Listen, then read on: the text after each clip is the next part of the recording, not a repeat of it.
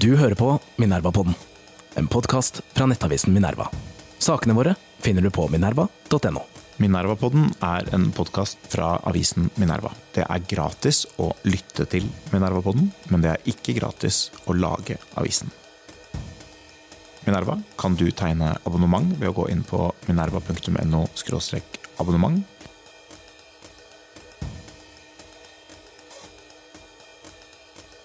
Velkommen som abonnent. Velkommen til Minerva-podden. Mitt navn er Alexander Ibsen, nyhetsredaktør i Minerva. Før hun flyttet permanent i Oslo, vokste dagens gjest opp i det lille stedet Overhalla i Trøndelag. Mindre kjent ved sin sørsamiske betegnelse Overhalje. Hun er i dag direktør i Footprint Soprasteria, men mange forbinder henne nok fortsatt som mangeårig leder i partiet Venstre, og husker henne som kulturminister i Erna Solbergs regjering. Trine Skei Grande, hjertelig velkommen til oss. Tusen, tusen takk. Hvordan var den sørsamiske betegnelsen på Overhalla? Altså, Jeg vet ikke helt, fordi det hadde jeg ikke hørt før. Eh, Overhalla er jo ikke et opprinnelig sørsamisk navn, det er jo gammelnorsk. Efri halfa, øvre halvdel, betyr det i dag. Men, eh, men jeg har jo vokst opp i sørsamisk område, der veldig mange ord kommer fra sørsamisk. og hvis du snakker på seterspråket oppe til oss, da, da er det masse sørsamiske ord inni dialekta vår uten at vi helt har merka det. Hva, hva er Nedre Halla, da? Hvis dette var øvre del? Øvre Nei, halvdel? det, heter, det er Namsose. Ja, og det heter Namsos. Det er fint der. Ja, det er veldig fint. Jeg elsker jo de flate bygdene. eh, Og så elsker jeg først og fremst elva. Namsen. Og det er noe med Jeg tror det er litt sånn som folk som vokser opp med havet, som lengter etter havet. Jeg er sånn som kan lengte etter elva. Det derre vannet som bare går og går forbi. Kan, kan Akerselva måle seg? Nei, nå bor jeg ved siden av Jordalbekken, da. Og jeg må gå over den for å komme på, til bussen hver dag. Og da hender det at jeg må bare stå litt på brua og se på vannet som fer. Ja, altså Elver, det der er jo eh, veldig fascinerende. Jeg har sett, eh, det er fullt klar over at dette er Sør-Trøndelag, ikke Nord-Trøndelag, men jeg har sett eh, voksne mannfolk gråte til eh, Nidelva-sangen. Ja, jeg har jo også vokst opp med laksefiske i Namsen, da. Og sett store voksne menn ligge foran en laks på 25 kilo og gråte en hel dag. Så, så det elva kan frambringe følelser hos de fleste. Men menn gråter mer enn vi innrømmer. Tror vi kan eh, slå fast det. Ja. Men du er nå eh, direktør i, i Footprint Soprasteria. Og så sier du dette er ikke kommunikasjonsbransjen. Men hva er det da? Nei, Vi jobber med bærekraftsrådgivning, så vi jobber med bedrifter som eh, vil omstille seg. Og det var sånn når jeg skulle finne en jobb å jobbe med etter politikken, så hadde jeg lyst til å bruke politiske kompetansen jeg hadde. Eh, Jeg hadde lyst til å jobbe med dem som ville, nå er jeg lei av å jobbe med dem som ikke ville.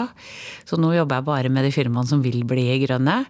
Eh, Og så ville jeg jobbe et sted der vi hadde en klar agenda, der vi ikke tok på oss hvilke som helst jobber, og der vi hadde åpne kundelister. Sånn at det ikke var hemmelig hvem man snakka med. Så Er det i det hele tatt noen som ikke vil være grønne nå, egentlig? det offentlige henger veldig etter. Ja. Men, eh, men det er veldig gøy å jobbe med veldig mange innenfor næringslivet som er veldig fremoverlent og har lyst til å lykkes med det grønne skiftet. Hvordan er, Går det an å plassere det i, i Dette er jo et stort, stort område, bærekraftsbransjen. Da. Det- Er det nye aktører, mange aktører? Hvordan, er, eh, hvordan ser landskapet ut? Nei, det er mange som prøver seg på ulike deler av det. Og litt av utfordringa i Norge er at det, det kommer et lovverk som jeg tror ingen helt har innsett hvor stort og, og krevende det kommer til å bli for å omstille eh, næringslivet vårt. Og litt av utfordringa er at de store de har råd til å leie inn sånne som oss. De ligger foran, de har skjønt businessen som ligger i å være bra på dette her. Eh, og så er det norsk næringsliv prega av veldig mange små. Eh, Norge er prega også av et land med veldig veldig, veldig mange klimafornektere. Som ikke tror, som tror at dette går over. Eh, Og det kommer ikke til å gå over. Og så kommer det meste av regelverket fra EU. Det betyr at vi diskuterer ikke det i Norge. Vi bryr oss ikke noe om det før det plutselig blir vedtatt. Og den blåmandagen som kommer på veldig mange små næringslivene i, i Norge, det tror jeg ikke alle helt har tatt inn over seg hvor, hvor stort det kommer til å bli. Her er jo en litt ny tanke. da. Er det fordi vi ikke er i EU, at vi ikke er med på diskusjonen, og så plutselig får vi et lovverk tredd over hodet? Er, det, er det det som er dynamikken i Norge? Ja, og så er det litt et, fordi at vi er et sånn klimafornekterparti. Eh, Nei, ikke klimafornekterparti, klimafornekterland. Så, så vi får færre klimafornekterparti, faktisk. Men, eh, men 25% av norske folk mener ikke at klimaendringene er menneskeskapt. Eh, Noe som er helt hinsides på, i forhold til andre land. Eh, Saudi-Arabia har slått oss, da. Men, men eh, India ligger på ni, og Italia ligger på elleve, liksom. Eh, Så, så det fører jo til at det blir ubehagelig for norske politikere å diskutere de nye reglene som kommer, og så blir de bare slengt i hodet på norsk næringsliv. Er disse tallene, når vi sier sånn med klimafornekter Dette er da undersøkelser hvor man Er det da spurt direkte Tror du klima Endringene vi nå ser, er menneskeskapte. Ja. Og der scorer Norge dårlig. Ja, kjempedårlig. Og litt sånn skremmende dårlig. Men enhver som har vært på juleselskap eller har en gammel onkel i kommentarfeltet, vet jo at de finnes der. Men eh, det er litt sånn skremmende hvor lang Vi har dulla oss inn i en sånn forestilling i Norge på at jeg tror at all velferden vår kommer fra olje, og så blir vi redd for at dette fører til fattigdom. Og så er det litt sånn nå at alt som skal bli grønt, skal sponses. Som jeg mener er helt tragedie. For dette kan bli lønnsomt, bare du gjør de riktige politiske grepene. Eh, og da, da tror folk at skal vi bli ikke avhengig av olje, så kommer vi til å bli fattige. Da bruker jeg å si er de kjempefattige i Sverige? Eh, Er det sånn at folk sitter og tigger på gatene i Danmark? Jeg gjør ikke det, vet du. Eh, Hva er det som gjør at Skandinavia er så rik? Ja, det er ganske enkelt én ting. Damer jobber. Så skal du bli rik, så må damer få lov til å jobbe, betale skatt, bidra inn i økonomien. Da blir vi et rikt land. Enkel, grei regel. Dette er sagt i FN også. Mye delt, eh, mye delt i dag har jo vært eh, denne, det bildet som viser at nå er alle parlamentariske ledere på Stortinget er kvinner. Ja. Og det, men det har tatt litt tid, da. Et par hundre år, liksom, så det, vi får tåle det. Det har også vært delt av folk som syns at dette er et sidespor. ikke sant? Altså, Likestilling skulle jo da kanskje også vært noen menn der, da. Ja, ja, men uh, se i regjeringa, der, er er begge sjefene menn. Så det, det Sosialistisk side har vært godt forspent med menn veldig lenge. Så da får de bare tåle at vi på borgerlig side har vært mye damer. Uh, så nei, det er Jeg tror jo at uh, litt den derre vi må bort ifra den der trua på at oljen er det eneste som har gjort oss rike. Oljen har gjort oss dyre. Vi er et dyrt land. Vi har eh, høye priser og, og eh, så, så vi må tro at vi klarer å skape noen ting uten oljen også. Hvis du leser gjennom historien på hvordan det har gått med riker som har uh, lena seg på én inntektskilde som bare varer noen tiår, som jo oljen har gjort for Norge, eh, og så tror vi at dette varer i evigheten. Gjør ikke det, vet du. Men kan du skjønne at en del mennesker, gjerne de som jobber i oljebransjen, at de opplever en viss eh, Kall det utakknemlighet nå, ved at de tenker vi har bidratt veldig stort til Ja, ja. Det- Norge? Full forståelse for. Og jeg, syns at det, det er ingen grunn til å disse dem for det. Eh, Men, men det er en grunn til å tenke at dette ikke varer helt framover. Jeg har jo stått på Svalbard og snakka med de gamle karene som har jobba i gruvene på Svalbard, og som har vært kjempeviktige for norsk suverenitet på Svalbard. Som ser klimaendringene rundt seg dramatisk, som du kan se det på Svalbard, men som likevel sier til meg nei da, det, dette er normale svingninger. Og da skjønner jeg jo at det, den næringa du har lagt energien din og hjertet ditt og, og brukt livet ditt på, står så nært deg at det kan av og til være vanskelig å forstå rundt deg.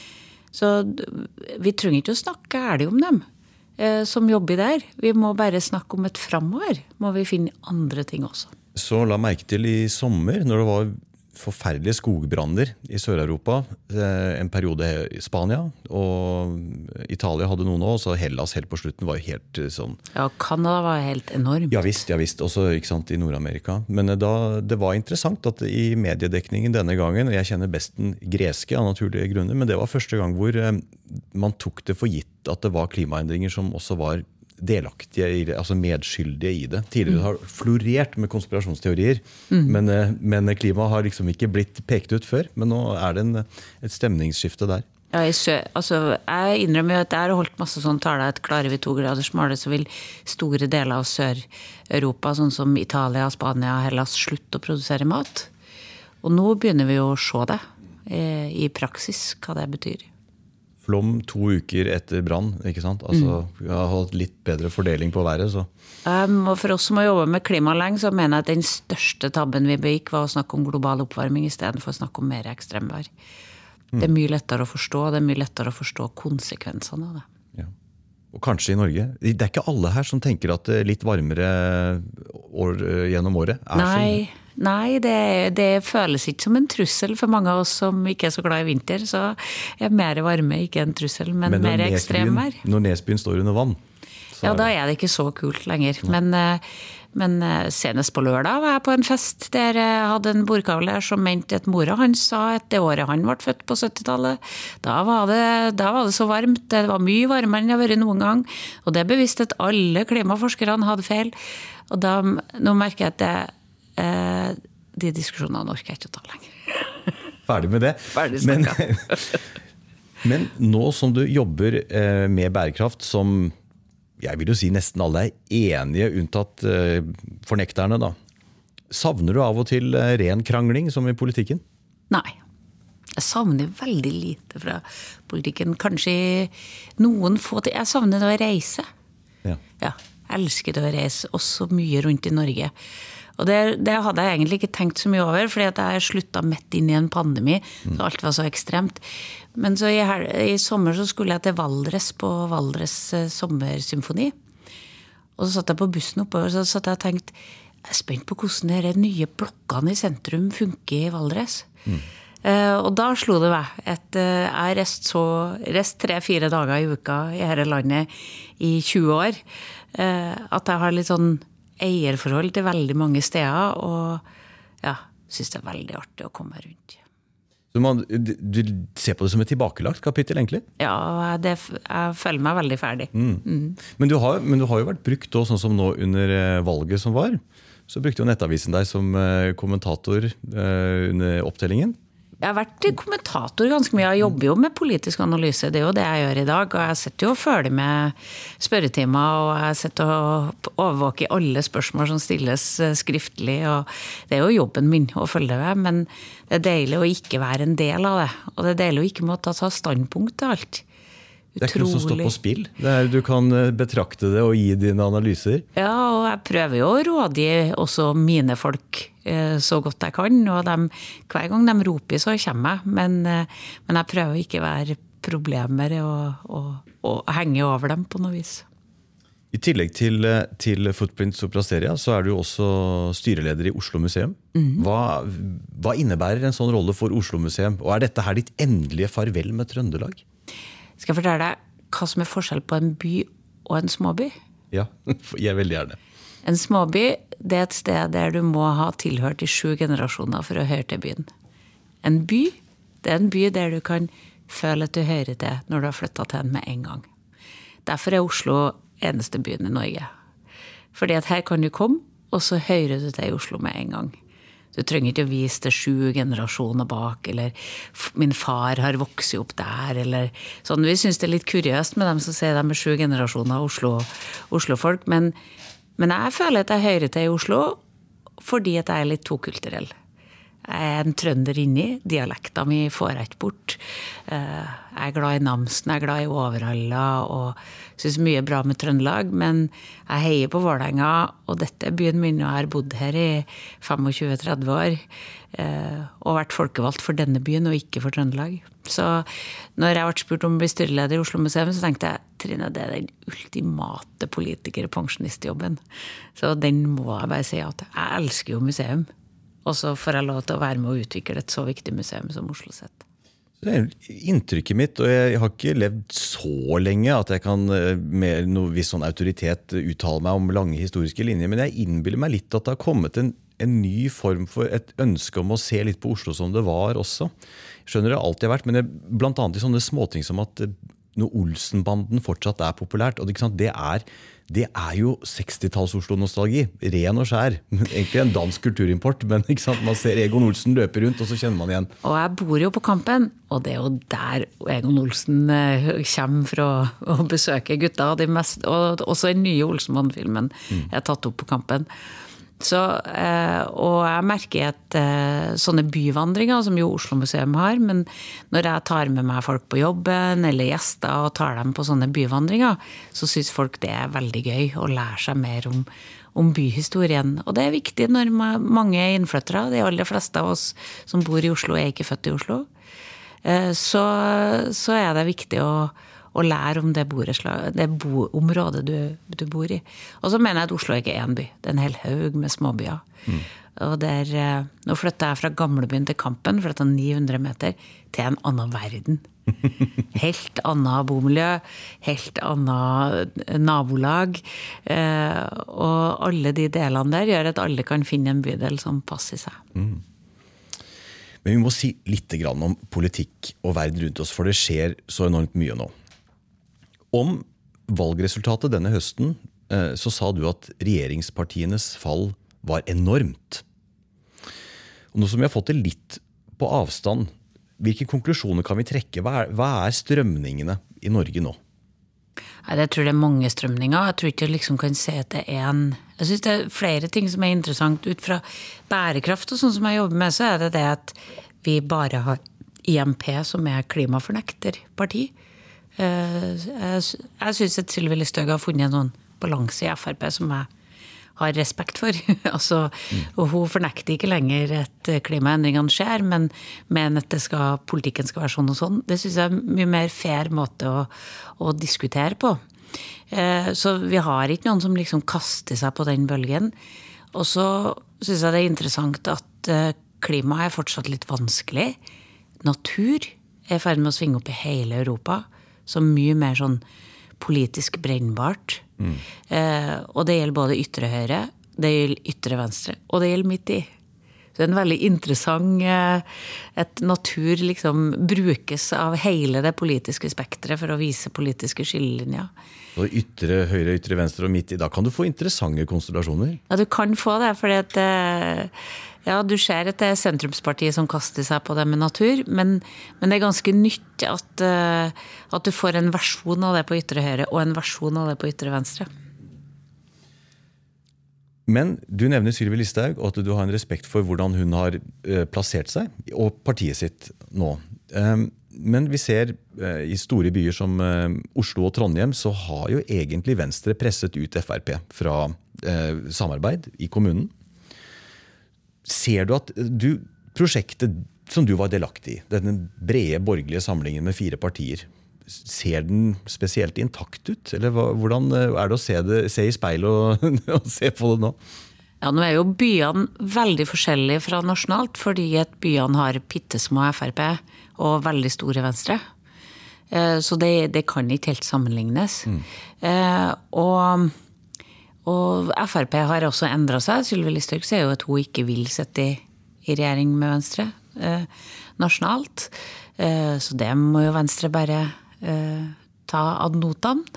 Eh, men eh, lokalpolitikk er aldri helt det samme som nasjonalpolitikk, fordi at det menneskene betyr eh, betyr noe på en annen måte, da. Ja, og lokale saker. Du har liksom en eh, bybane i Bergen og sånn. Vi har jo ikke noe tilsvarende på nasjonalt nivå, kanskje? Nei, det håper jeg virkelig aldri vi får heller. Men, men eh, jeg tror det med styrkeforholdet mellom partiene og sånn gjør at du kan finne andre løsninger. Da. Og jeg håper jo at jeg håper jo vi får et, eh, et høyre-venstre-byråd i Oslo, men jeg håper jo også at de lager en avtale med Frp som gir, gir forutsigbar og gir samarbeid på borgerlig side. Mm. Men Venstre. Altså, hvis vi tenker nå, Du ser Venstre litt utenfra også. mest her, utenfra, faktisk. Mest utenfra, ja. ikke sant? Eh, man minnes av og til eh, venstrepolitiker Halvdan Hegtun som sa spøkefullt at min kone og jeg er medlemmer av Venstre og står således langt fra hverandre politisk. Dette er jo ikke et enormt stort parti, annet enn i noen byer. Eh, men det er jo et veldig stort mangfold som det, dette partiet klarer å, å romme. Dette er nå, hvis jeg skal tenke, hva, hva er det som slår meg mest med Venstre akkurat nå? Ikke de samme tingene som for ti år siden nødvendig. Nå er det partiet som vil verne personvernet for enhver pris, samtidig som det knapt finnes noe våpensystem som Venstre ikke vil donere til Ukraina. Litt, altså Ser du en hauk eller en due? Jeg ser en ganske klar linje. Jeg er helt enig med alt som Guri har gjort på det området. Men jeg tror kanskje ikke at folk husker helt fordi at det ikke var så, var så opp i dagen. Eh, hva, altså, jeg har vært utvist fra Russland kjempelenge. Mm. Jeg husker ikke hvilket år jeg fikk reist til Russland sist. Jeg jobba masse i Russland med ulike prosjekter før. Og jobba med å bygge opp søsterparti og kvinneorganisasjon til søsterparti før jeg ble uh, kasta ut. Uh, vi har jobba med Taiwan siden tidenes morgen. Uh, vi har jobba mot Kina sett uh, sin autoritære regime siden tidenes morgen. Vi har alltid vært her. Det er liberalere. Liberalere står opp for demokrati og menneskerettigheter mot diktatorer. Det har vi alltid gjort. Også når det har kosta. Så jeg føler, jeg, jeg føler, meg veldig bekvem med posisjonen som Guri har inntatt, og føler at det er riktig. Når du sier at Venstre har så mange meninger, så tror jeg mest det handler om en partikultur der vi aldri svinger pisken og sier at folk ikke får lov til å se det de mener. Eh, og, og, da blir det litt rotete bilde av og til. Men det er sånn det er å være liberal, da. Du, du, folk må få stå og mene hva de vil. Det ikke det å melde seg inn i et parti betyr ikke at du melder deg inn i en sånn strømlinjeform. Av og til på gode, gode dager sent på kvelden så bruker vi å si at Venstre er kanskje ikke et politisk parti, det er en samling av de beste folka i landet. Det er, det er et godt skussmål, det. Altså, hvis man tenker Jeg tror særlig på det med Kina. altså i, Russland så har også andre partier, Høyre og Arbeiderpartiet, hatt en viss forståelse av uh, sikkerhetselementet. Med Kina så der tror jeg vi med hånden på hjertet kan si at Kina, Venstre ledet vei. Fordi nå er det en erkjennelse som brer seg om stadig større del av det politiske Norge, om at dette her er, ikke, dette er en, en, et, et autoritært land autoritært land, heter det, som, som, utfordrer egentlig kjerneverdier i det vi ønsker å omgi oss som et vestlig demokrati. Ja, vi var kjempekritiske når det ble inngått en avtale med Kina. Det var ikke så mange andre som protesterte i Stortinget da. Vi var, vi var også soleklar på, på, Russland på en annen måte. Er, noen må gå inn og lese Hurdalserklæringa. Der står, der står det, mye rart. Der står det bl.a. at man, et hovedmålet til regjeringa er å få bedre forhold til Russland enn den forrige regjeringa. Og det skal opprettes nye dialogforum i arktiske nord, bl.a. Står ja. det i Hurdalsplattformen. Og det syns Nei, Venstre har alltid vært du kan jo godt si at vi er haukete, da, men på menneskerettigheter og demokrati er vi ganske haukete.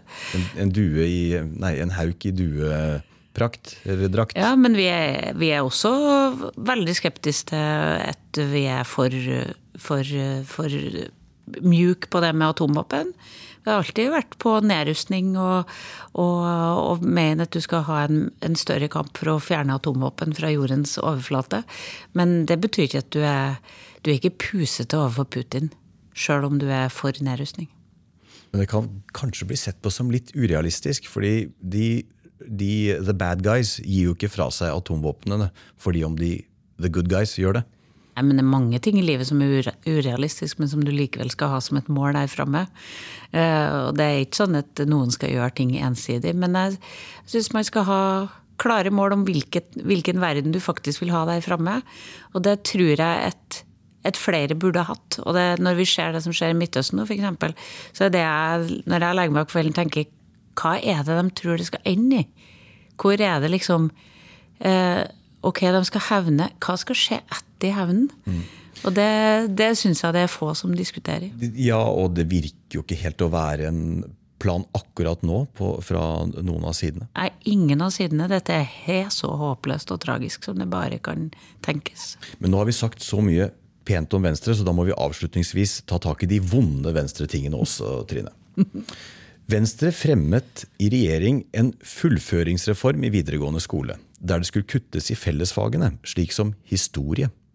I stedet skulle vi få et såkalt fremtidsfag, som skulle undervise i etisk handel, likestilling og bærekraft. Altså et Unge Venstre-seminar for alle videregående elever. Det hadde alle godt av, men det kunne de ha gjort på kveldstid, kanskje. Ja, og Forslaget ble heldigvis stanset. Men altså, du som en gang ledet Norges eldste parti, og som nå styrer over museer. Hva for et arbeidsuhell i regjering førte til at dere foreslo å fjerne historiefaget fra videregående? Bare det er gammel historielærer. Du er det òg? Hvordan kunne dette skje? Ja, hvis du, hvis du hadde gjort et ordentlig søk, så hadde du funnet flere oppslag med meg om at historiefaget skulle styrkes. Så dette var eh, ja, et litt arbeidsuhell, spør du meg, da. Men det som jeg syns er litt dumt i Norge, det er at når du er statsråd, så kan du ikke legge fram ideer til diskusjon. Du må liksom være ferdig snakka, og så må du liksom stå på det samme hva.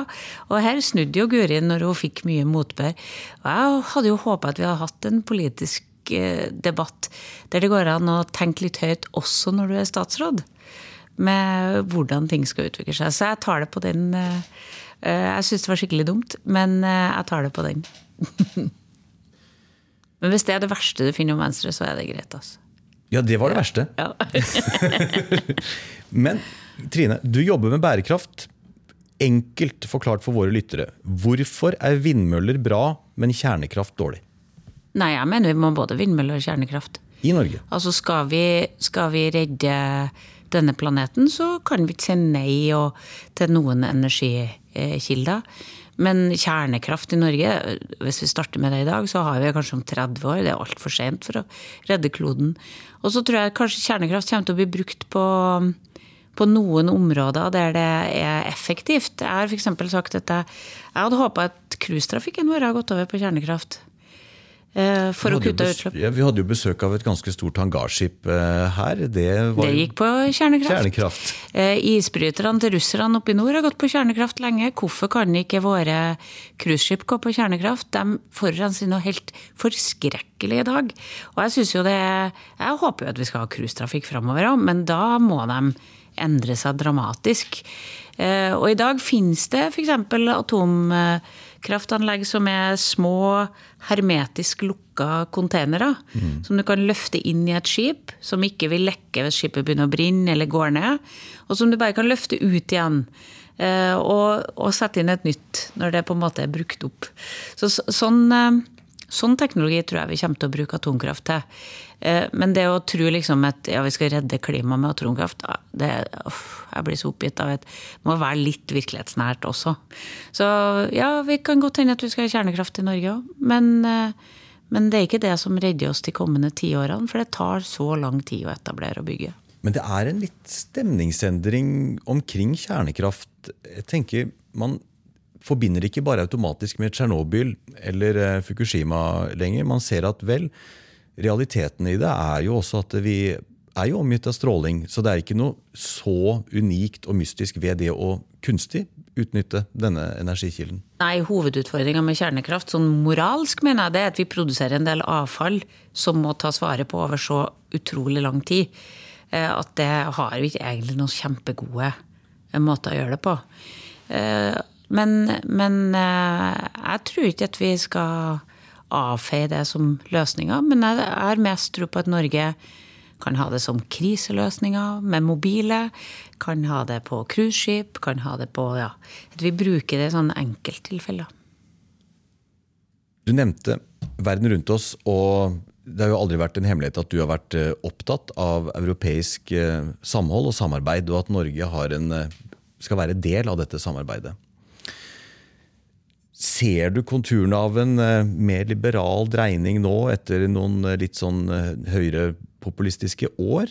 Vi hadde et valg i Polen, f.eks., som jeg tror mange tenkte var et slags tegn på et stemningsskifte. Å, det var deilig, det valget i Polen. Det det er grunn til å sove litt bedre om natta, men vi, vi ser jo at Viktor Orban drar for å, for å støtte Kina og sammen med, med Putin i, i Der Belt hadde Road. du hadde du litt av et møte. Altså Putin og, og Orban eh, Ja, trykker der- hender i Kina. Der har du gutta på tur.